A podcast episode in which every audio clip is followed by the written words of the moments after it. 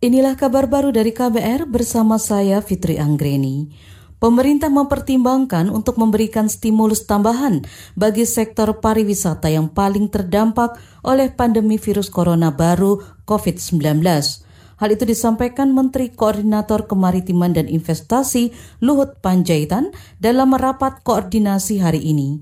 Sementara itu Menteri Pariwisata Wisnu Tama menyebut bantuan untuk bidang usaha yang dapat diberikan di antaranya pajak bagi hotel dan restoran yang tidak memutus hubungan kerja dengan para karyawannya.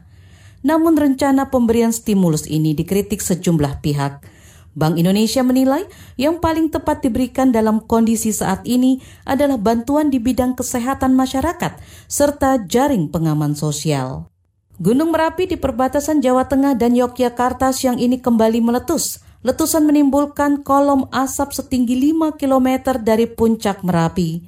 Akun Twitter Balai Penyelidikan dan Pengembangan Teknologi Kebencanaan Geologi BPPTKG mencatat letusan Gunung Merapi terjadi pukul 10 lebih 46 waktu Indonesia Barat selama 7 menit. Hingga saat ini status Gunung Merapi pada level 2 atau waspada.